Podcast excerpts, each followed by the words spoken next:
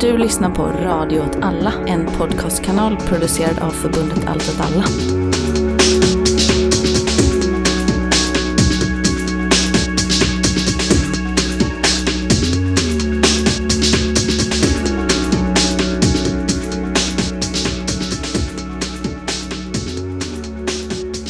Hej och välkomna till ett nytt avsnitt av Rekreation. Och med mig som vanligt har jag Kalle. Hej.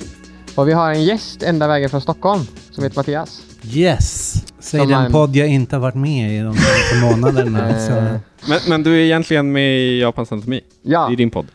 vi brukar det är kalla jag. det P1 och vi är P3. Ja. Vi är lite sämre, lite fluffigare. Ja. Jo, men Mattias, du är ju mångårig vän och aktivist Mm. och sitter i brandreaktionen. Har varit med i stort sett alla politiska grupper som någonsin existerat i Stockholm. Med några ja. få undantag. Kanske Inte bara i anarkist- Stockholm. anarkist- Malmö också. Ja, och anarkistfederationen var du aldrig med i kanske? När den stötte upp på 2000-talets början. Nej, den, jag fick inte gå med där. Nej. Jag, Oj. de trodde jag var Nasse. Jaha. Vad vad var skälet? Jag gick med en uh, Psychobilly skins på The Jaha. Cramps. Och att jag hade eh, mantel, målade runor på mina kläder och Det är, många, läste fornnordisk mytologi. det är så. mycket av det här som är dålig smak, men inte nazism. Tidigt Hårt i linje. 90-tal, all, Ja. alla var så. Men sen har du bott i Bologna också ett Mm. tag och är Sveriges ledande negri, Antonio Negri-expert. Jo, ja men det är... Det är eh, väl du som har översatt drog. den boken jag klappar på nu? Alltså, Samling. Samling. Ja, tillsammans med Oskar då från Tankekraft så Mm. översatte vi Mm. del fyra i trilogin. Var därför också översättningen blev läsbar jämfört med tidigare Ja, Imperiet. det. Massan. Massan, mängden. Men eh, idag ska tänkte vi prata om ett begrepp som eh, Antonio Negri diskuterar i alla fall, som heter socialt kapital. Mm. Och sen kommer vi prata lite om kommunikation, det är ganska nära besläktade begrepp. Men, men det är ju ganska mycket att du f- får pitcha ett samtalsämne till oss och sen får vi försöka ha det. Ja, just det. Ni, ni kör ju grundbegreppen inom eh, autonom marxism eller vad man, operaism. Mm. Ja, vi försöker. Ja, ni, ni försöker beta igenom och jag sitter och sliter mitt icke-existerande hår där hemma. Vad fan säger de? Eh, och då sa jag att ja, men, ni måste ju ha om eh, eh, samverkan, om socialt kapital. Liksom. Mm. Ja. Man ska förstå Det var ju oerhört kritiskt mot vårt förra avsnitt om multituden. Ja, det var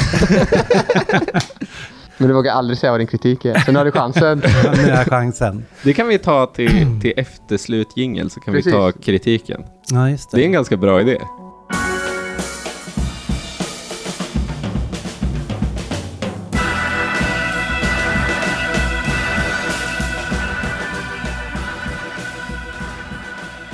Du får, du, har, du ska göra en säljpitch här. Tänk att du är, tänk att du är hiss, du är på väg upp längst upp på Scandic Triangeln. Du har fyra minuter på dig att övertyga. Tänk någon- då också att vi har utsikt över hela Malmö. Ja. Så du kan använda exempel som du ser. Liksom. Och då ska jag säga liksom, om man ska läsa Karl Marx, Kapitalet, tre långa band, då, då finns det, alla har sina favoritpartier där liksom. Och jag tycker ju de tre partierna i den som är, vad är det, avdelning 3 till 5 tror jag är första bandet, Mm. som, Mm. som handlar om eh, hur den kapitalistiska produktionen uppstår, alltså inte rent historiskt, utan hur, hur den går från manufaktur till industri. Mm. Liksom. Det här är ju också det den... Alltså, jag har ju läst Kapitalet. Det här är den enda delen som jag verkligen minns ganska tydligt. Alltså så att jag kan minnas citat, är ju från den delen. Specifikt så är exemplet med att arbetsdelning är det som när man slaktar ett djur och bara tar dess liksom Mm. talg och lämnar resten att ruttna. Och någonstans här finns ju arbetarklassen med, här finns politiken Mm. med, här finns klasskampen med, som är rätt frånvarande i de andra delarna, där man, man pratar värde, kapitalförmering och Mm. de bitarna.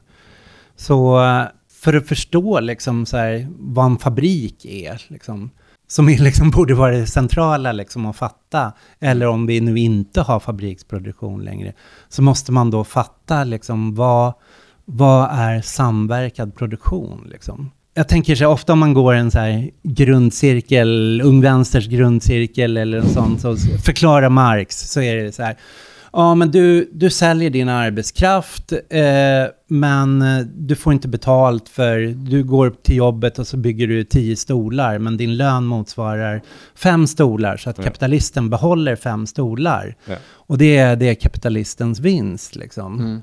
Och så har man förklarat kapitalismen. Men då, då missar man det liksom centrala någonstans, var kapitalet plockar ut den här vinsten. Det handlar inte bara om att liksom den håller arbetaren instängd någonstans en viss del av tiden, utan det Nej. handlar om hur man kopplar ihop arbetarna så att eh, kapitalet köper arbetarna som individer. Man går dit, när, när du går, får ett jobb så söker du jobbet som individ, du får din lön som individ. Men det kapitalet får ut av det är inte de enskilda individernas arbete utan det är kombinationen av det. Att de har kombinerat det och samverkat det och fått ihop det. Enklaste liksom så här bilden liksom eh, pitchen, det är liksom som att tänka sig att eh, vi ska liksom bygga en mur här Mm. liksom. Och sen så har jag hällt ut en hög tegelstenar på marken där och ni två och era tre polare liksom Ja. kommer och ska hjälpa till att bygga den där muren. Och så säger jag bara, där är, där är stenarna, ta dit och bygg. Och så springer alla och tar varsin sten, börjar mura, det, det krockar, liksom, det tar tid. Och så kommer jag på, liksom, ja, men Kalle, fan du har ju talang för det här att mura. Ni andra liksom, Ja, bilda en bra, mäns- bär, bra på att bära. Jag blir fetad direkt jag. ni, ni kan bara bilda en kedja här och langa fram det. Och då går det liksom dubbelt så snabbt och jag Ja. ser bara, Kalle, fan dig måste jag ha kvar. Och då är jag köpt. Ja, då är du köpt, du får en fast anställning, du får en bättre lön. Medan Martin och de andra, ni är springpojkar, ni kan få liksom en billigare slant liksom. Och jag plockar in er när jag behöver er, langer. När liksom, har Kalle fullt upp och mura så kan ni liksom få gå- så länge. Så att Mm. då har det uppstått en arbetsdelning och genom att samverka så, så har jag liksom ökat effektiviteten. Så jag betalar ju fortfarande samma, någonstans samma löner, men jag får ut så oerhört mycket mer produktion. Så, här. så att vill jag vara ännu, liksom kom jag på att så här, men jag skulle ju kunna skaffa en liten vagn här Mm. som eh, Martin och hans polare får dra fram och tillbaka. om Eller jag kopplar, en, jag kopplar en liten motor till den där vagnen så att den skickar fram. Nu behöver det bara stå, liksom, Martins polare kan gå hem, han får själv stå och lassa upp Ja. stenarna som skickar fram dem. Mm. Och då har ju liksom, ni har kopplats ihop i det här genom hur eh, arbetet har organiserats genom Vi maskinen. också, så- vi är också kopplade till de som byggde maskinen. Liksom. Ja, och då kan jag också genom att se hur jag organiserar upp det här så kan jag också då genom vilken teknik, men framför allt så måste man ju tänka liksom teknik, maskiner, det är Mm. inte det som bygger saker utan det här är bara en form av organisering av arbete. Det kräver Mm. att jag skaffar kännedom, kontroll och liksom eh, studier av hur arbetet kan göras och kan ta liksom kontrollen över Mm. I början så är det ju så att eh, alltså Kalle här som är en grym murare liksom. Du- så, så intressant för övrigt. Du, du inte, har ju en eh, betydligt... jag, jag har ju sett dig. Ja. Ja. För det första så har ju du ett intresse av någonstans det blir kanske ett bra jobb, men du kan också sätta rätt mycket krav på hur det ska gå till. Så bara, Ja. Det är du som kan där, jag kan inte hur det görs. Nej. Medan Martin som bara skickar fram, han är ju lite så här, fuck this shit, liksom, Mm. kan uh, fucka upp processen och det kanske inte betyder lika mycket att dra och ska du liksom behöva få mer pengar så kanske du behöver nästan uh, hota det till det eller liksom vara militantare i, Ja. i din kamp liksom. Så att det, det skapar olika kampmönster, den här samverkan också. Ja. Så för mig som boss här då, så är det markskrivet, ja men det här är som en stor orkester, ju fler instrument du har. Mm. måste, till slut måste du ha någon som står där med en taktpinne liksom och Mm. dirigerar hela den här orkestern.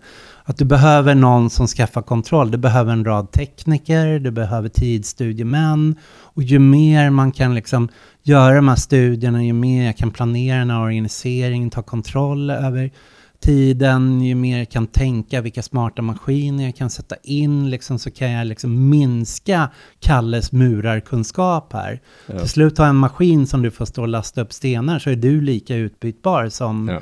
som liksom Martin är. Liksom.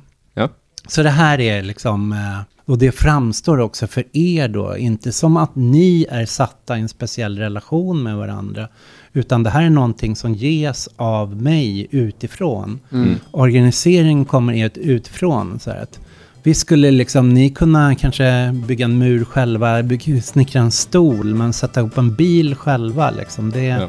det är inte bara, bara man har bilarbetarna så knåpar de ihop. Det krävs en kunskap och den har liksom tagits över av, av kapitalisten in Mm. i fabriken så att säga.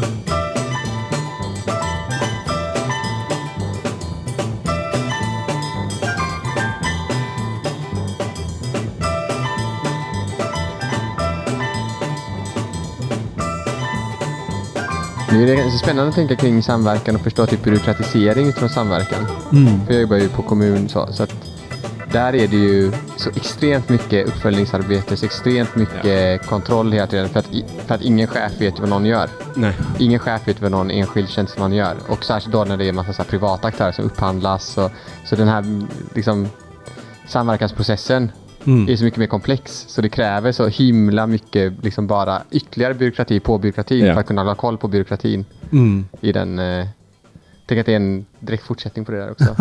Ja. Så det här är liksom första steget och redan här börjar vi se så här, kommunikation är någonting Mm. centralt i det här. Så jag vet inte, vi kan ju stanna och prata om kommunikation där, eller sen kan vi också se vad som händer när det här systemet flyttar utanför fabriken. Hos Marx så, så eh, han använder begreppet att det här är den värdeskapande processen, att skapa värde, liksom, att jag vill få ut så mycket av ert arbete in Mm. i produkterna ni, ni gör, så att när jag kan sälja det, och liksom, kan jag omsätta det liksom, och sätta in i ny produktion, så att säga. Mm. Där värdeskapande processen underordnar arbetsprocessen. Så att det är liksom, man brukar prata om från formell till reell underordning. Formell underordning, det är som att bara, men jag vill att ni ska göra så jävla mycket mur, så ni får jobba liksom eh, eh 12 timmar istället för 8 timmar. Liksom, Ja. Då har jag bara förlängt arbetstiden som ni jobbar. Eh, så det är bara formellt underordnande, jag har bara sträckt på tiden. Men reell underordning, det är ju just det här när jag börjar med samverkan, maskiner, tidsstudien. Jag börjar liksom, så här, fan jag, ni måste bygga mer en mur liksom. Nu har jag kommit på liksom, den här tekniken och den här om, omorganiseringen, nu kan jag få ut mer. Och vad händer då med kapitalet när det konstanta kapitalet liksom tar över på fabriken? Vad händer då med vä- värdeskapandet? Ja, Flyttar det det, ut någonstans då eller? Det här är första gången vi får ha liksom den här typen av verkligen Ja, det. ABF-ig på. En lite ledande fråga där. Ja, nej, men det här, det här är ju liksom det som För det- kallas den, eh, den reella underordningen av produktionen. Och sen så kan man ju då börja se liksom vad som händer på ett större plan med fabriken behöver börja underordna sig samhället på samma sätt för att eh, liksom förändra, få, få ut mer värde, ändra värdeskapandet. Och då handlar det inte längre om de enskilda kapitalisterna, de enskilda företagarna, utan det samlade kapitalet, totalkapitalet, om vi ser till kapitalet som stort gemensamt intresse. Så här, att, eh, ska vi få en sån här produktion att fungera så kommer vi behöva underleverantörer. För att ha underleverantörer så behöver vi liksom infrastruktur, vi behöver liksom skolor, vi behöver skolad arbetskraft för, eh, som ska kunna fylla vissa funktioner. Vi behöver dagis, vi behöver en, en rad, vi behöver polis, vi behöver en rad olika saker. Så att eh, hur kapitalet någonstans, det gemensamma totalkapitalet, får ett in, intresse av att planera upp det här för att här, maximera de enskilda kapitalens kapacitet. De enskilda kapitalen vill ju bara roffa åt för sig själva och skiter i att ta ansvar för helheten. Mm.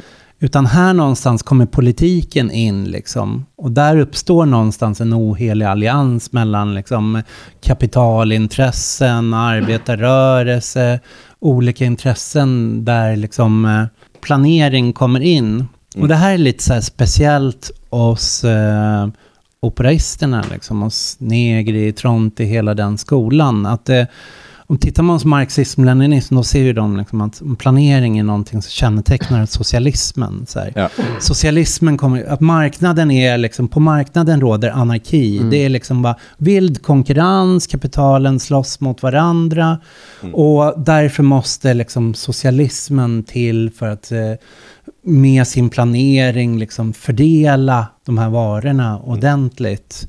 Men det är liksom, Negri i de här menar liksom är att planeringen finns inbyggt i kapitalismen. Kapitalismen är planerande. Liksom. Tronti, liksom, ne, som Negri hämtar mycket från, han, han tittar ju på den här bilfabriken, Fiats bilfabrik Mirafiori i Turin. Och så tittar han på liksom hur Turin som stad är planerad utifrån fabriken. Hur kollektivtrafiken byggs upp, hur man bygger motsvarande miljonprogramshus. Liksom, hur, hur staden skapas. Att han säger att ja, men, precis som vi måste titta liksom, på eh, kapitalet utifrån så här, produktionen så måste vi också titta utifrån fabriken, se på samhället.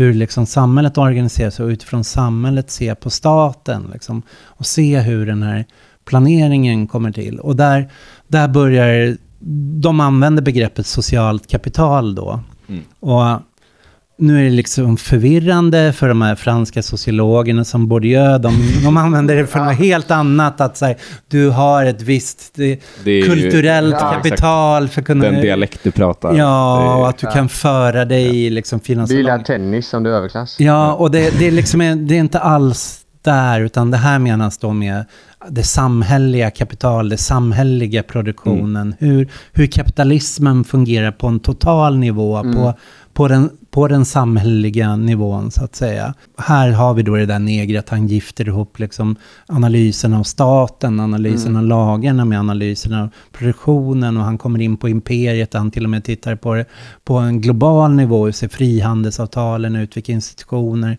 skapas det så här, så att man eh, så här, det hänger alltid ihop en analys av staten och en analys av kapitalet i de här. Och det gör också att det, det här rationella planerande ses inte som något socialistiskt som ska Nej. föras in, utan det är någonting som finns in, inneboende i Men Man kan, kapitalismen. verkligen, man kan verkligen se det också vid eh, när liksom fordismen går över till någon form av postfordism och den kreativa förstörelsen som skedde. Typ om man bara tittar på städer såsom Göteborg och Malmö. Vad som händer när de här liksom stora fordistiska industrierna flyttar eller läggs ner. Hur liksom hela städer bara Det lämnas stora tomrum. Liksom. ah, fallerar för att man just har byggt. Göteborg till exempel i väldigt stora delar är byggda dels runt hamnen men sen också kring Volvofabriken i Torslanda, som Angeredsbron till exempel. Det är ju ett sånt bra exempel på en Och Malmö hade ju liksom ingen användning för Västra hamnen tills Västra hamnen byggdes. Alltså det område som idag kallas Västra hamnen. Så det är, det är ett väldigt bra bevis.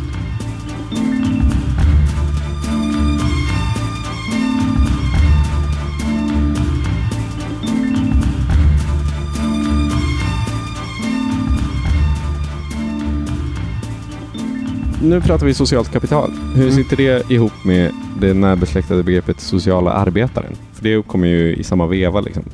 Jag- Nu gjorde jag det du gjorde innan. Det var, det var verkligen en ganska härlig Ja, eller hur? Du testar, testa det. Att bara, ABF-frågan. att bara inte själv kunna svara jättebra på någonting, men veta ungefär vad man borde säga. Exakt. Det är det nya nu.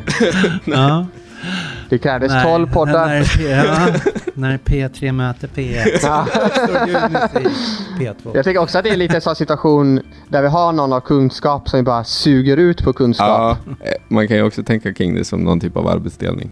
Ja, Alltså samverkan. exakt. Alltså, Att vi är cheferna. ja, eller att vi är langarna. Ja, vi, Och jag är maskinen ni slår på. liksom, så här, för att få rätt. jag vet inte hur många gånger jag har skrivit till Mattias och frågat om pengarna i relation till postupplysning. Ja, jag, jag skrev till dig kanske 20 gånger för fem år sedan. Typ, du, det här med pengar. Hur var det här igen? Vilken text är det av Antonio Nygren pratar om pengar? Minns du det? Mm. Också så jävla lös fråga. Ja, precis på ett sånt klassiskt dyslektisk manér också. Så. Ja, att- exakt. Men det är en mycket bra fråga. Med- Jag hade det på känn.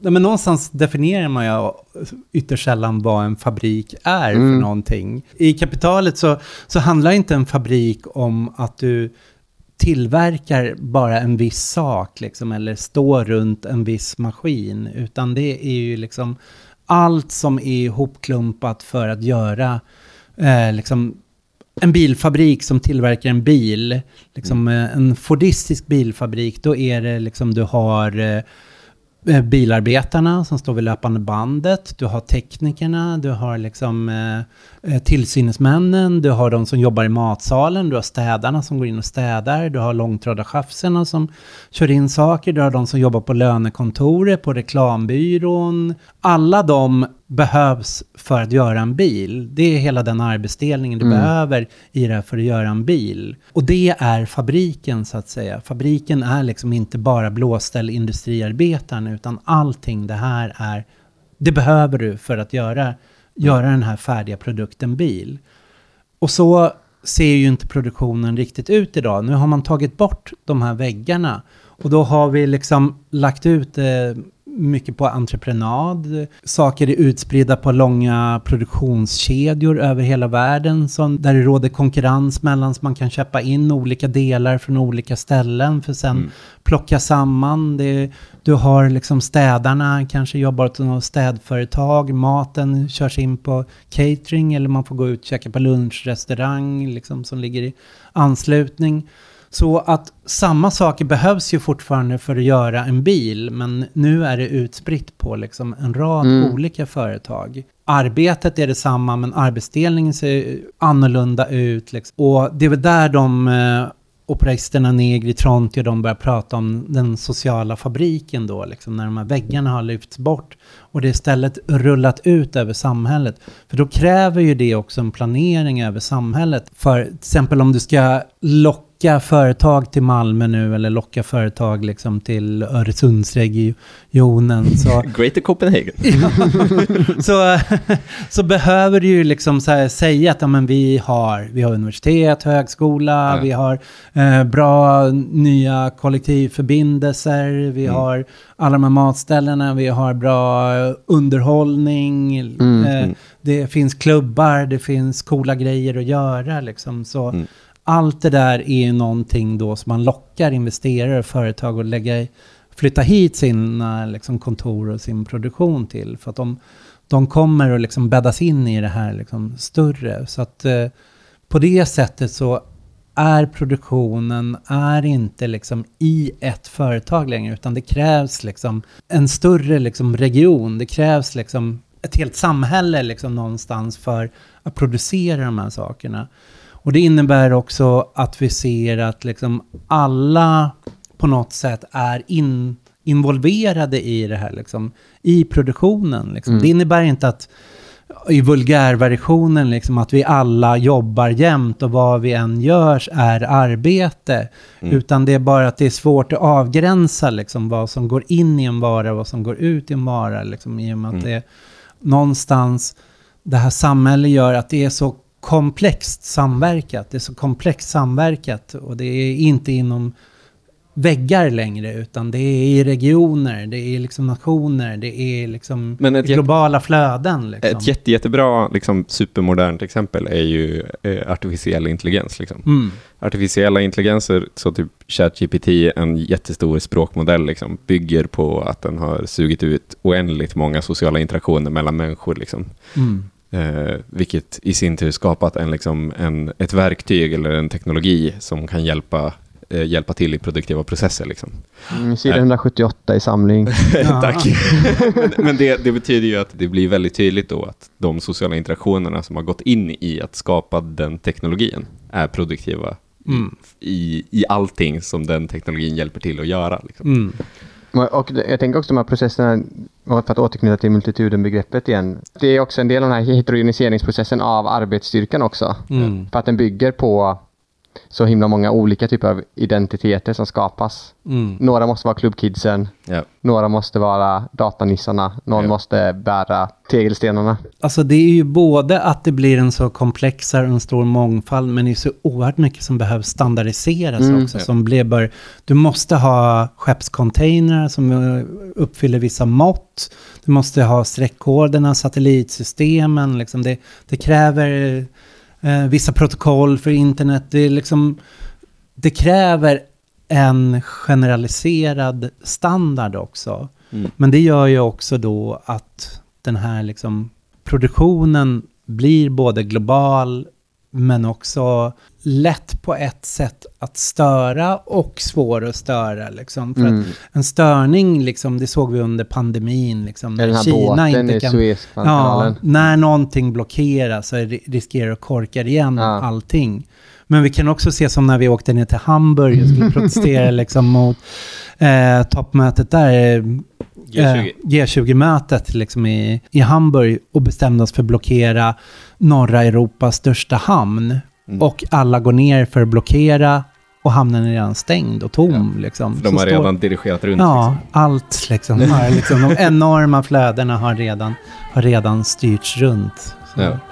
Men det, och det handlar väl också om att det finns en så extremt omfattande koordinering. Liksom. Ja. Sam, samverkan globalt. Liksom.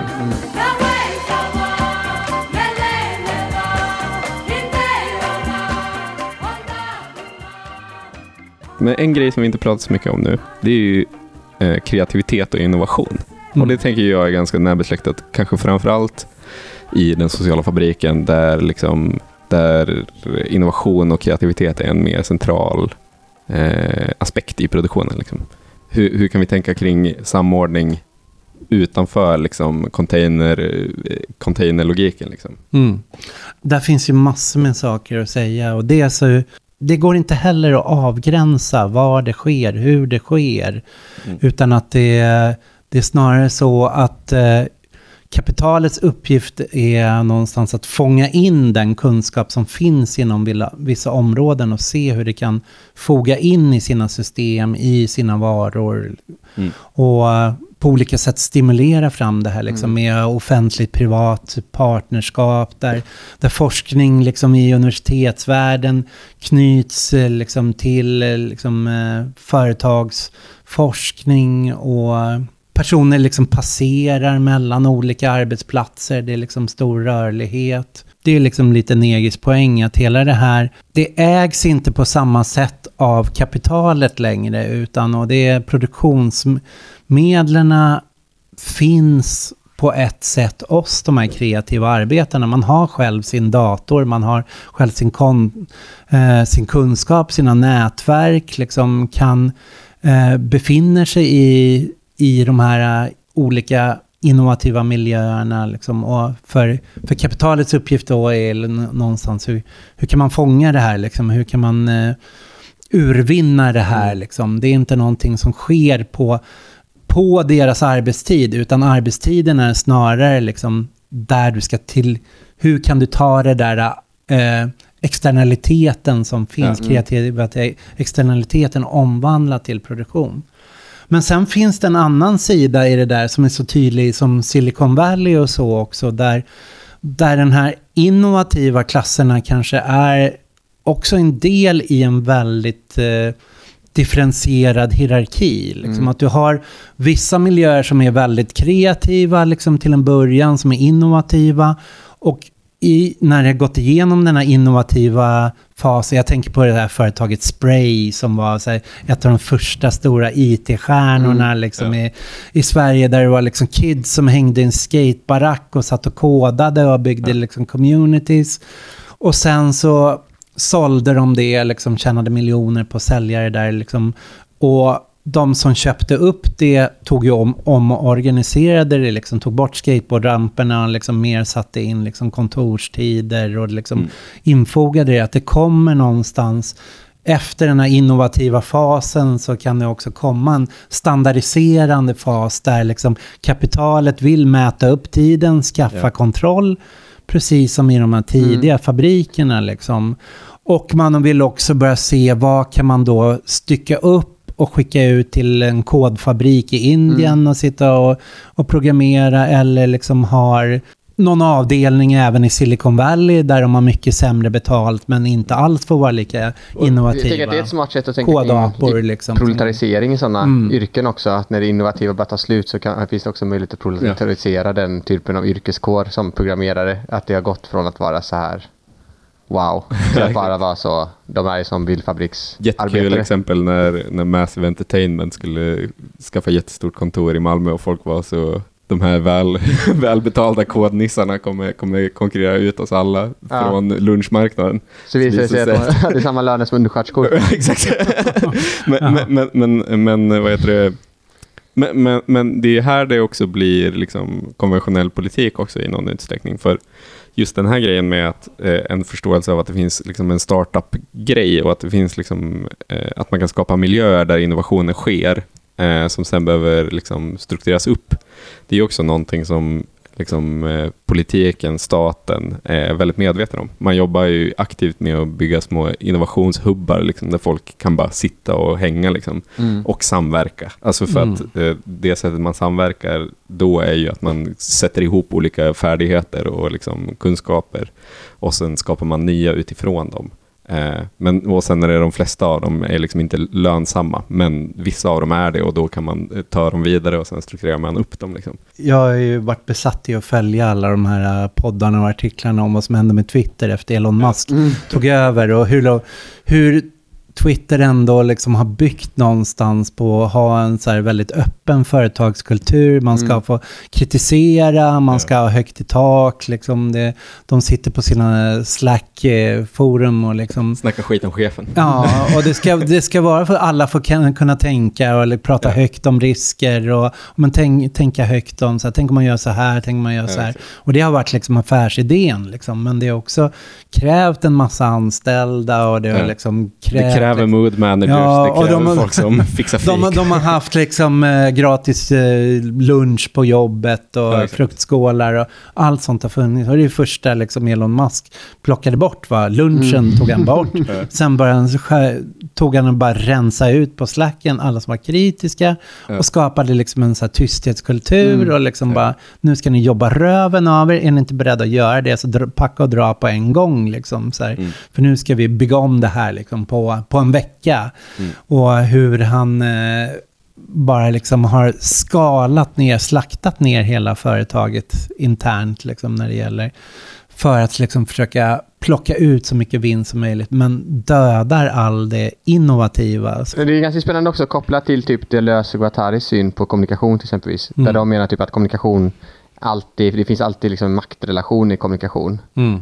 Och, makt, och den här kommunikationen förstörs av reklam och så här på sånt, sånt eh, 68 manér liksom. Mm. Men att det finns någon form av annan kommunikation som alltid så här åsyftar något nytt, något kreativt. Och att det är den kommunikationen som kapitalismen är intresserad av och inkapslar liksom. Medan det andra då, Elon Musk-kommunikationen, Mm. är liksom den döda delen. Ja.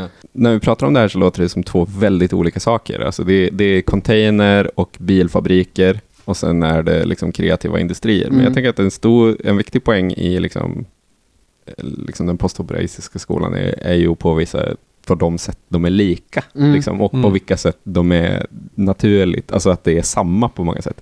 Eh, och jag, jag tänker alltså så, typ eh, ett kul exempel på liksom hur även en i, så personalen på en ICA-affär måste vara kreativ är ju att varenda jävla ICA numera måste ha ett jävla TikTok-konto där de måste lägga upp innehåll. Och vem är det som gör innehållet? Jo, men det är de stackarna som också är de som ställer upp mjölken och skiten och moppar golvet. Liksom. Så de måste hela tiden också även engagea någon typ av kreativ kapacitet tillsammans och liksom diskutera med varandra och komma fram till bra innehåll, bra marknadsföring. Liksom, för att de är inte längre bara arbetare på företaget. Jag hoppas utan att nu är de någon- också, de är också liksom... Jag hoppas att någon ICA hoppar på det här bomb challenge på TikTok. ja, ja, men, så slänger in en bomb och sätter något skämt. men ni fattar vad jag menar? Att, att Mm. det, det, är inte, det är inte två separata eh, exempel på hur multituden ter sig. Nej. Utan det är liksom, de är tätt sammanbundna liksom. Mm. Mm. För att de ingår på något sätt i samma produktionsprocess också. Ja.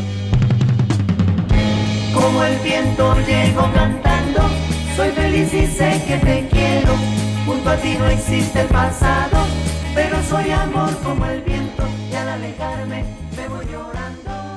Ett yrke som har varit så här centralt för arbetarrörelsen, liksom för, för den socialistiska kommunistiska traditionen, det är ju sättare, grafiker. Liksom. Och det är en sån... Det krävde liksom en yrkeslång erfarenhet av liksom typografer att kunna, kunna göra en tidning, göra en tidning grafisk, välja rätt typer, sätta in i en tryckpress, trycka det. Veta De- också mm, liksom väldigt subtila saker som kan gå snett i Mm. Ja. varenda steg. Liksom. Och de var också ofta väldigt pålästa. Liksom. De läste det de, liksom, det de hette, de hade en stor kunskap, de gjorde egna, egna tidningar vid sidan om, kunde använda apparaterna liksom, när, utöver arbetstid. Så att de, de hade en väldigt hög autonomi i produktionen och liksom, det var svårare att kicka. Liksom. De kunde få bra löner, de hade stridbara fackföreningar och var också väldigt viktiga liksom, för, som kommunikativa noder inom arbetarrörelsen. Liksom, att skapa hela arbetar, arbetarpressen. Och sen så se hur utvecklingen av tryckpressen liksom, genom tiderna någonstans har nedmonterat den gruppen, tagit ifrån dem deras kunskap. Liksom, de har förlorat som ett centralt subjekt. Men när man börjar då med så här, elektriska risografer, Xerox kopieringsmaskiner och sen kom liksom med designprogram, liksom Indesign, Cork Express eller liksom allt vad de hette. Så, så plötsligt så blev det ju den kunskap de hade togs över in i maskinerna, in i i mjukvaran, in i programmen. Liksom, så att det var, det var deras kunskap som togs ifrån dem för att förstöra deras autonomi. Men istället så uppstod liksom en annan autonomi, att du kunde liksom vara eh, 15 bast och göra en tidning som var lika proffsig som en... Det krävde en yrkeskunskap för att göra inne och liksom... ehm, trycket blev så pass billigt att det var så lätt att liksom gå och kopiera ett fanzine eller något sånt. Så alla kunde bli en, en, eh, sin egna lilla tidningsmakare. Liksom, att Och just nu sitter ju vi och gör samma sak fast Ja. mot Sveriges Radio. Liksom. Så att det är liksom, det är, det är inte så att eh, tekniken, att det är liksom tekniken alltid har en frigörande potential eller att den är neutral på, tekniken frälser oss eller dödar oss. Utan tekniken innehåller ju alltid motsättningar och de uppkommer alltid i klasskamp och den som kontrollerar det har viss makt. Men det innebär kanske inte liksom heller den stora katastrofen att förlora den makten för det uppstår nya liksom, maktmöjligheter genom det som, eh, som kanske demokratiserar användningen. Och sen kan det vara också gammal ratateknik som inte blir populär längre kan plötsligt få en ny användning i form av piratradios, liksom gamla radiosändare eller Mm. Ehm, nu att det är så lätt att liksom bara plugga in vilken liten diktafon som helst i din dator och du kan spela in en podcast liksom och, Ja. och sprida. Så, Men vad är då, hur ska man beskriva relationen mellan den här eh, trycknissen och hans tryckapparat? Vart, bör, vart börjar trycknissen, vart slutar trycknissen vart börjar maskinen? Och varför är det intressant att tänka kring det? ja, det är där också då Marx i de här kapitlen, han går igenom hur liksom, är det vi som brukar maskinen eller maskinerna som brukar oss? Hur arbetaren, arbetstempot inte längre kommer bestämmas när man inför de här stora maskinsystemen av de arbetarna som jobbar vid maskinerna, utan man slår på maskinen och man stänger av maskinen och då kommer det också forma arbetarnas liksom, rörelser, hur de gör. Alltså det klassiska är den här Chaplin, moderna tider, när han står och dels liksom jobbar vid det löpande bandet, liksom, och hur det förändrar hela hans rörelsemönster och sen hur de kommer med den här maskinen som ska mata honom medan Ja. han jobbar, liksom, och hur den ballar ur. Liksom, just där människan blir ett bihang till maskinen, att den tar, tar kunskap. Liksom. Men hur det också uppstår då att de här komplexare maskinsystem du bygger upp blir ju också lättare att stoppa.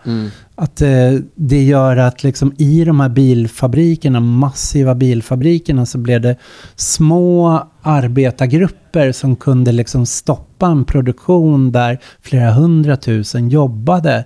Liksom så att små liksom, fabriksgerillakommandon fick, eh, fick en väldigt stor eh, makt i det här. Liksom. De, de, de, kunde, de kunde göra saker. Sen finns det ju många andra saker som har kommit fram i det här då, som det Deleuze och Guattari, när de pratar om maskiner så det är samma sak där. De, men de, med maskin så menar ju de inte bara liksom en stor elektrisk teknisk apparat liksom, utan de, de menar när man kopplar ihop Mm. olika saker, att liksom en, en människa på en cykel är en maskin för dem, att det är en, en människa som förbinds vid trampor, hjul, det skapar liksom rörelse, riktning, kraft som fördelas. Eh, eh.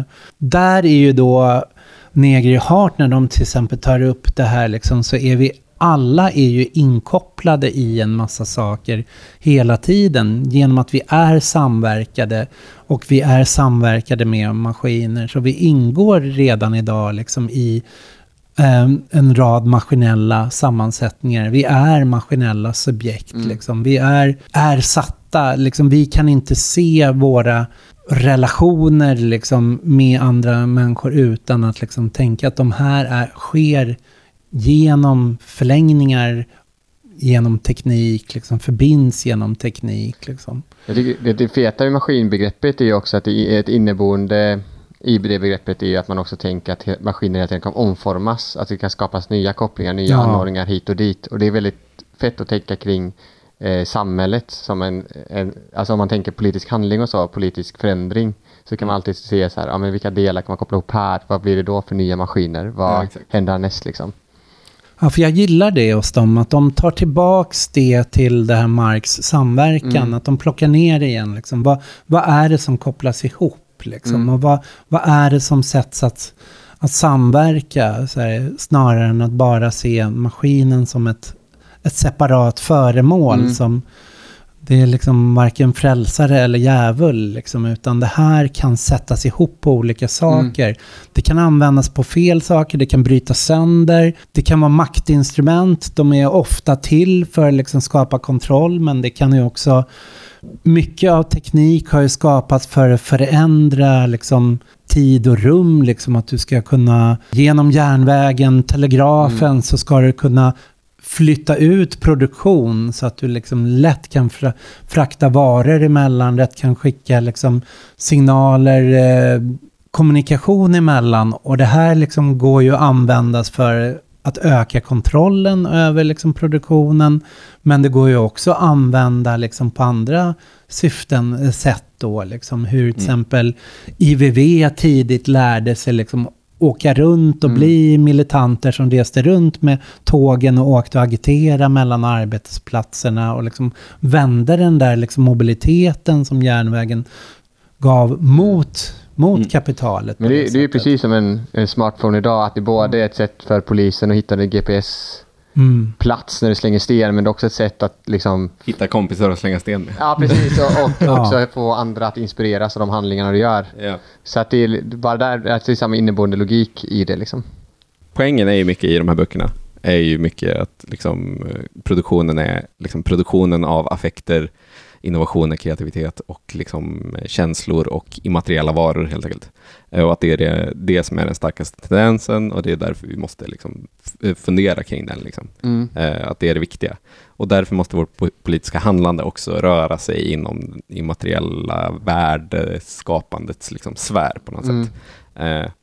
Och där, där tänker jag att det, det är en ganska, ganska sweet, sweet ställe att tänka kring samverkan, för att just i de, den typen av frågor så blir samverkan så himla lätt att tänka kring, för varenda person har en relation till liksom memes, internetmemes och liksom Mm. kommunikation eh, med liksom, eh, kon- eh, att skapa nya språk och skapa nya referenser tillsammans är någonting som alla har en ganska tydlig relation till. Mm. Och då blir ju också frågan, om det är så att vi ska politiskt handlande måste röra sig i liksom affektskapande och subjektivering snarare än att det nödvändigtvis måste vara att vi måste sätta stopp för en bilfabrik.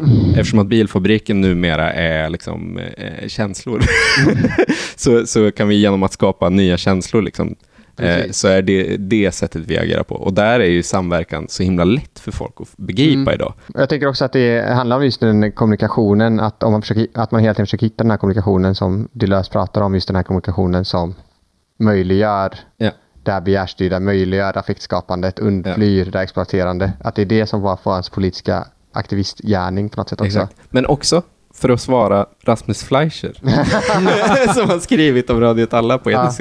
Jag skulle svara om honom på Twitter men jag orkade inte. För genom att skriva ett ETC. Jag, jag får skriva en text. Ja, det är en Jag, bra jag har idé. skrivit till dem. Fråga. Har du? Ja. King. Eh, men, men, men, men i alla fall. Är ju att eh, för Rasmus Fleischers Att kritik... Mastodon inte skapar någon annan.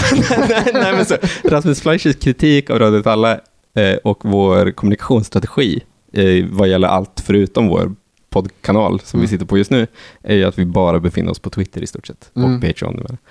Eh, och att han tycker det är, att det är weak för att det skapar svaga liksom, eh, eh, sätt för vår publik att lyssna med, eh, eller interagera med oss. Liksom. Mm.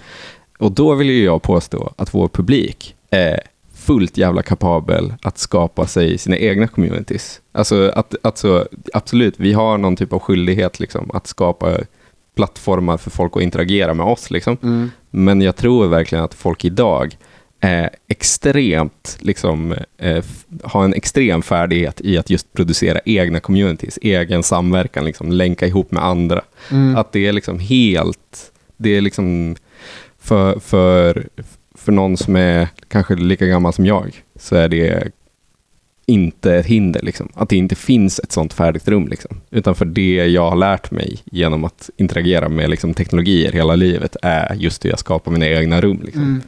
Mm. Så där hörde Rasmus. det, var absolut inte en, det var absolut inte en diss av Rasmus Fleischer, utan 100% bara så, jag tror inte det är ett så stort problem. Nej, om det skulle behövas ett rum så hade det skapats. Ja, exakt. Eh, för, för att, för att eh, människor är super, super bra på just det. Liksom. Ja, om det är någonting de kan så är det Så är det att samverka. Liksom. DMs chatt. Ja, exakt. exakt.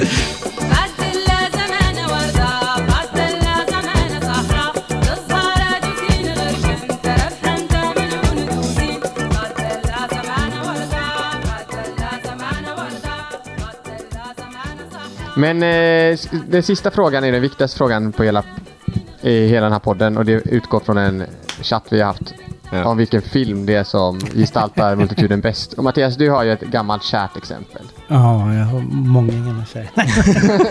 Ehm, nu har jag en egen podd så Var, jag ska det, spara var, på det, var det multituden vi skulle sammanfatta i en film eller var det samverkan vi skulle sammanfatta i en film? Om vi ska ta multituden så är... Jag älskar Breakfast Club just för att det är... Jag tycker det är den bästa beskrivningen av multituden. Men det tänker jag... Om ett år är det jubileum för den filmen. Så jag spar hela min feta analys av den till då. Liksom. Och, jag, är- och jag har ju också försökt sälja in till er den här liksom 70-tals franska filmen. Ja, men den Femrock. Som Jag är är, jävligt sugen på att kolla. Ja, den, är, den. den handlar om eh, fabriksarbetare, eller liksom, de är målare tror jag, Mm. som, som jobbar i en fabrik och hur, hur deras liv är utan några ord eller något sånt. De bara grymtar och liksom låter. Och så till slut så är det en arbetare som gör revolt och börjar leva som grottmänniska. och grilla poliser och äta, äta och bli immun mot tårgas. Hur liksom fler och fler grannar börjar leva som grottmänniskor. Men det är jättefint beskrivet just det där liksom. när Ninningens jag han- vill vara ett djur. när han cyklar varje dag till sitt jobb och han och hans kollega, de, varje klockslag, alltså på morgonen, exakt samma klockslag, kommer de ut och åker till och så cyklar de lutandes mot varandra liksom, och cyklar bort till tunnelbanan, står där i trängseln i tunnelbanan, går in på liksom, sin arbetsplats där alla arbetare liksom, står eh, separerade för varann, från varandra i omklädningsrummet och står och skriker till varandra över sina klädskåp. Liksom. Och hans revolt består då möblera om hela det här omklädningsrummet så att arbetarna är inte längre vända mot varandra utan de är liksom i samma rum. Så när de kommer in så, så kan de inte längre börja liksom gräla med varandra. Och så skiter han i att ta tunnelbanan, han springer på spåren hem. Och eh, hans kollega kan inte cykla hem för han har ingen att, att Ja. luta sig mot när han cyklar. Liksom. Så hela den här Det är bara att han svänger, liksom. rutinen, liksom, rasar. Men den är, den är en fantastisk film för att liksom visa de här äh, rutinerna liksom i. Men jag, jag måste också liksom bara få pusha för... Ja, det, är det Mumin nu? Kommer det Mumin nu? Nej, inte, inte Muminerna, men jag, jag, det skulle vara kul att köra en hel studiecirkel på den här Star Wars-serien Andor som, har, Ja. som handlar nu om hur de har gjort en vuxen Star Wars om hur revolten bryter ut i imperiet. Och det snygga med den är att den, det är så många växlingar i den. Varje avsnitt byter lite spår. Så att där har du både den fordistiska revolten, den prefordistiska revolten, det finns Mm. det koloniala, ge- gerillakriget, det liksom finns de eh, revolutionära sexstriderna, liksom allt finns liksom. Så att det är som så flera hundra år revolution, revolutionshistoria liksom ihoppackat i den där. Och just de här avsnitten om fängelset när de sitter i fängelset och bedriver en fordistisk produktion, liksom spoilers av det som ska bli dödsstjärnan. Liksom. Men också alltså, väldigt tydligt en produktion som är, eh, vad heter det, lean. Lean det är lean, Ja. lean production, ja. Det bygger på konkurrens, tävlan, Mm. liksom. Eh, man ska vara bäst arbetslag, det, tempot hela tiden ska höjas och allt är liksom strikt kontrollerat. Liksom. Det är en septisk kontrollerad miljö, men hur de ändå uppfinner former att vända samverkan till sin fördel och hitta kommunikativa former i den här enorma fängelsekomplexet mellan de slutna avdelningarna så lyckas de ändå. Mm. Och det är ju någonstans det där som var operaisterna gjorde liksom med de här bilfabrikerna. Bilfabrikerna var sådana septiskt slutna. Mm. Om man störde någonstans så sabbade man hela produktionen. Men det fanns ingen kommunikation riktigt mellan. Så de hittade sättet att stå utanför fabriksgrindarna och snabbintervjua när ett skift gick ut och frågade hur är det på din avdelning, hur är det på din avdelning? Så hade Mm. de så här, en Negri hade på sitt kontor en enorm karta över Fiat, liksom en sprängskiss då, med nålar där de satte ut. Här har de alla olika små mm. fabriksavantgarder. Där pågår en protest, där är en protest, där bråkar de med en chef. Och sen så liksom snabbt som fan sätta ihop ett flygblad och så stå på morgonen och dela ut tillbaks. Så att de hjälpte till att cirkulera den där kunskapen mellan avdelningarna. Liksom. Och det är så fint att tänka Fiat och lä- se- mot den där liksom, mot de här fängelsescenerna. Och på, på samma sätt liksom, så är det ju en slags prefordism eller postfordism i den här liksom, eh, staden som Andor kommer ifrån som lever på skrot och svart, eh, ja men sälja stulna produkter och allt. Extremt bra worldbuilding i den serien. Ja, verkligen. Och samma sak där är ju också kommunikationen extremt Ja, att de central. hamrar på liksom. små... Så alla är är småföretagare också eller en- småfifflare. Det, Mm. det är ju ingen, det är ju totala motsatsen mot Mm. fängelset. Utan där är bara massor med utspridda små, eh, en utspridd produktion. En, som en enorm fabrik utan väggar liksom. Men Mm. där de har massor med diskreta sätt att liksom kommunicera med varandra. Som den här ockupationstruppen som kommer utifrån då, som imperiet är liksom inte förstår, Mm. inte, liksom, inte Nej. kan kontrollera. De kan inte se gångarna under deras fötter eller Nej. vad... Bokstavligt liksom, talat. Ja, verkligen. Eller de här att, klonkande eh, ljuden Också att betyder. huvudpersonen är, påminner rätt mycket om huvudpersonen i revolten i Turin. Ja. Alltså att det är lite samma grej, en person som bara av omständigheter blir en revolutionär liksom. Ja. Alltså jag tyckte ju egentligen att, vi ska inte bara prata om Andor, men jag tyckte ju egentligen att det bästa med Andor var ju porträttet av eh, imperiet. Alltså Mm. typ när imperiets hejdukar kommer till den här planeten första gången och, liksom, och det är exakt som när liksom, polisen går in i en favela i Sydamerika. Liksom.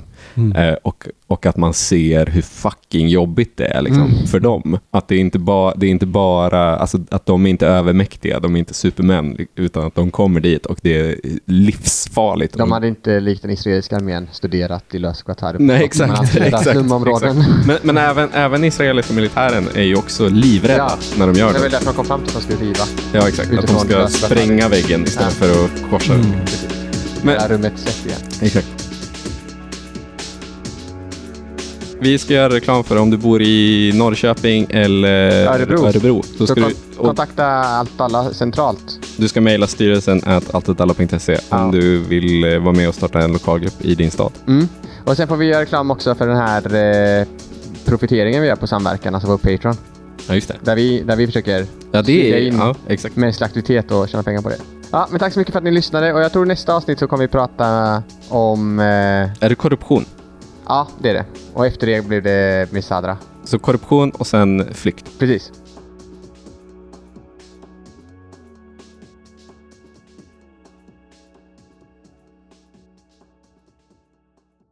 nu minns jag inte hur mycket ni körde liksom, men eh, mul, multitud, Machiavelli, Machiavelli-genomgången. Så här, Men det var, det var jag, jag kände själv, det här under all kritik kände jag. ja. Det här kommer Mattias Våg vara sur över kände jag. Eh, men, men någonstans så är ju liksom gr grundkonceptet i multituden, varför Negri vänder sig till multituden, det är att förstå liksom vi modernitetens födelse och kapitalismens födelse.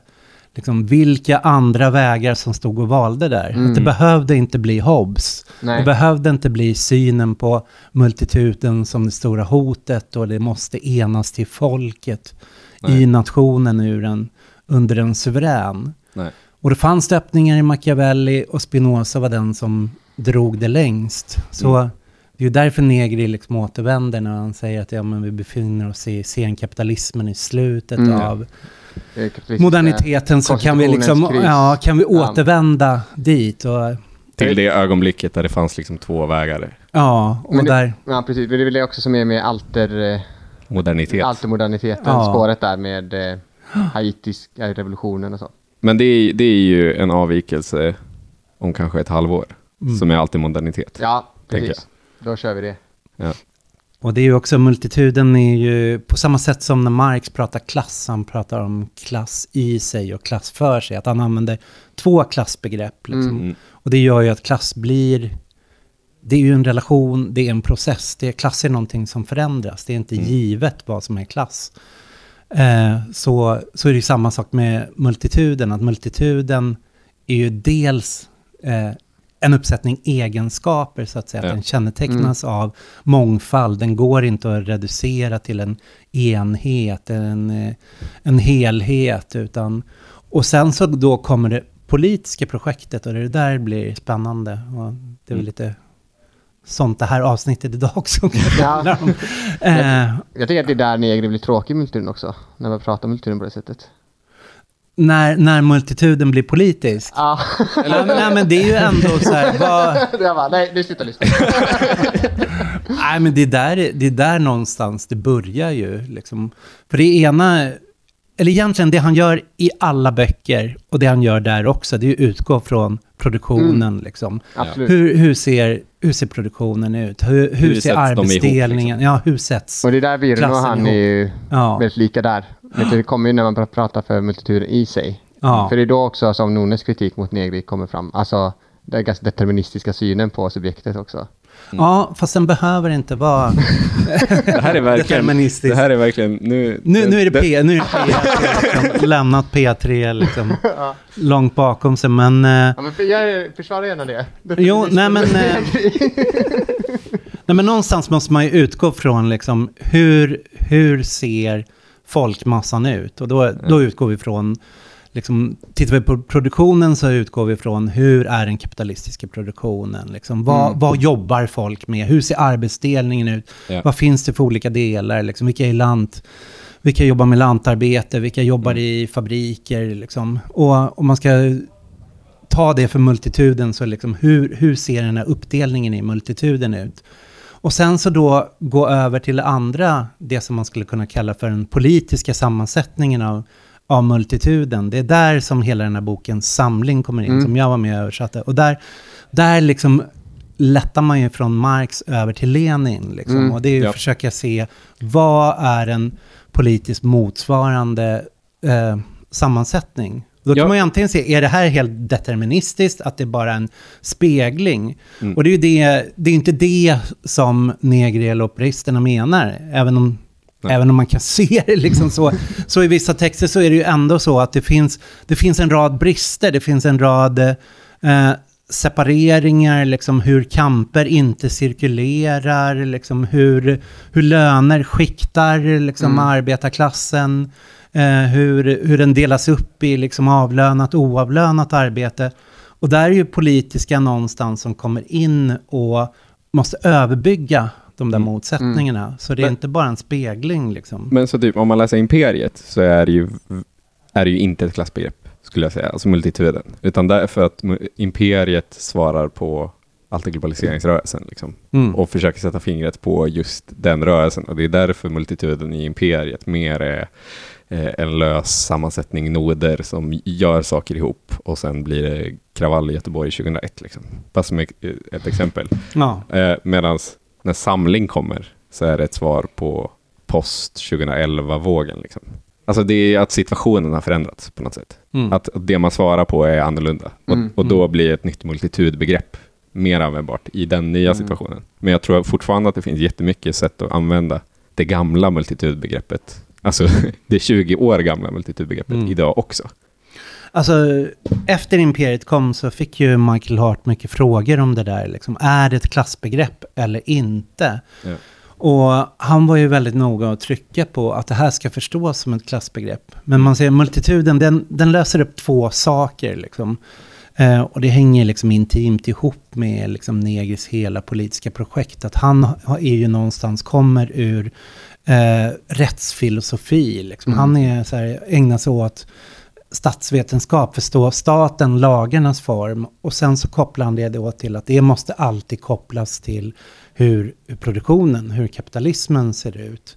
Så att det är, så att när multitud, ja när jag brukar köra studiecirklar så brukar jag sätta upp en så här fyrfältare och nu ska jag göra höjdare och dra en fyrfältare i liksom radio här och vifta. Men så här, om, om vi har eh, klass som en pool så att säga så snett, liksom, diagon, diagonalt mot klass kan vi liksom sätta å ena sidan individ. Liksom.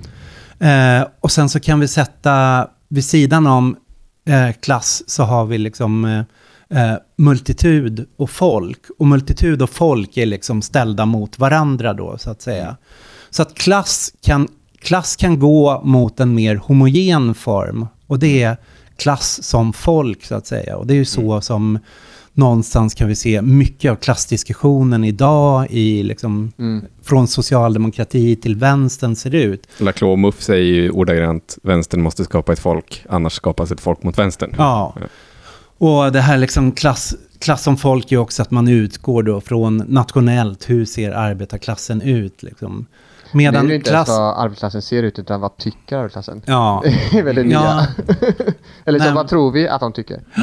och då blir ju liksom arbetarklass blir ju i stort sett inte längre vad man jobbar med, utan Nej. att man betalar skatt. Det Ja. är liksom, när de säger, så här, klass som folk säger klass, så menar ju de skattebetalaren Mm, i stort ja. sett. Så här.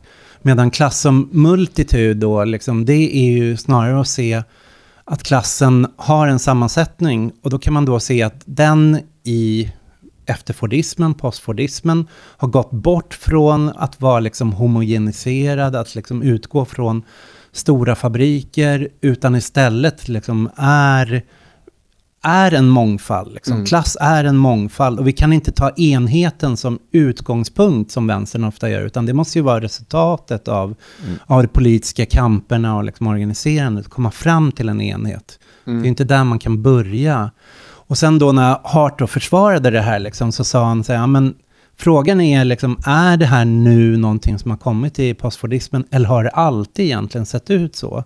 Och då är det flera liksom av de så här, operaisterna som tittar historiskt som säger att men det här är ju faktiskt så det såg ut innan fordismen också. Mm. Att om man läser E.P. Thompsons The Making of English Working Class så pratar de om att man pratade om arbetarklasserna i plural.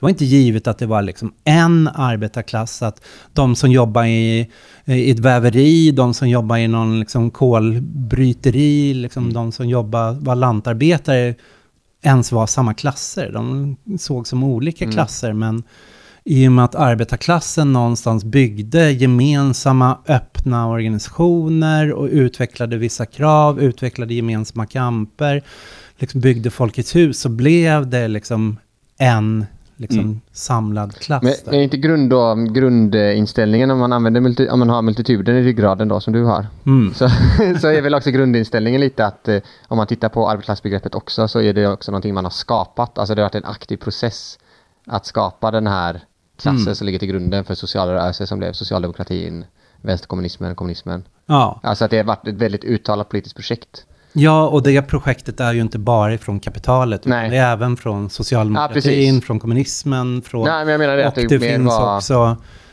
där kom ju en väldigt spännande strömning som då tittar på den så kallade den andra Mm. arbetarrörelsen, de som inte ryms i de där projekten, Mm. de, de delarna av arbetarklassen som organiseras på andra sätt. Att det Precis. finns motströmningar inom, subalterna motströmningar. Det är, väl, det är väl också de motströmningarna som på något sätt på, påvisar den historiska processen också. Ja. Alltså att utan dem så hade man inte tydligt kunnat se att det funnits ett väldigt tydligt projekt underifrån att skapa någonting som var homogent och kunde sätta, bli en maktfaktor på något sätt. Ja, och det var ju det som blev sen operaisterna då började liksom organisera arbetare utanför de stora socialdemokraterna, kommunistiska eh, fackföreningarna. Så hittar de då den här strömningen och börjar se, men kolla, IVV i USA, syndikalisterna, rådskommunisterna, liksom, det finns en lång tradition av liksom, de som har gått utanför. Och så återupptäckte de den strömningen och liksom hämtade inspiration från den. Mm. Så det finns ett återknytande i det. Det är inte bara liksom en... Nu har vi kommit in i framtida nu i cyberklass. Utan det här är också ett återvändande till en klasshistoria som socialdemokratin har skrivit bort och kommunistpartierna har skrivit bort. Mm.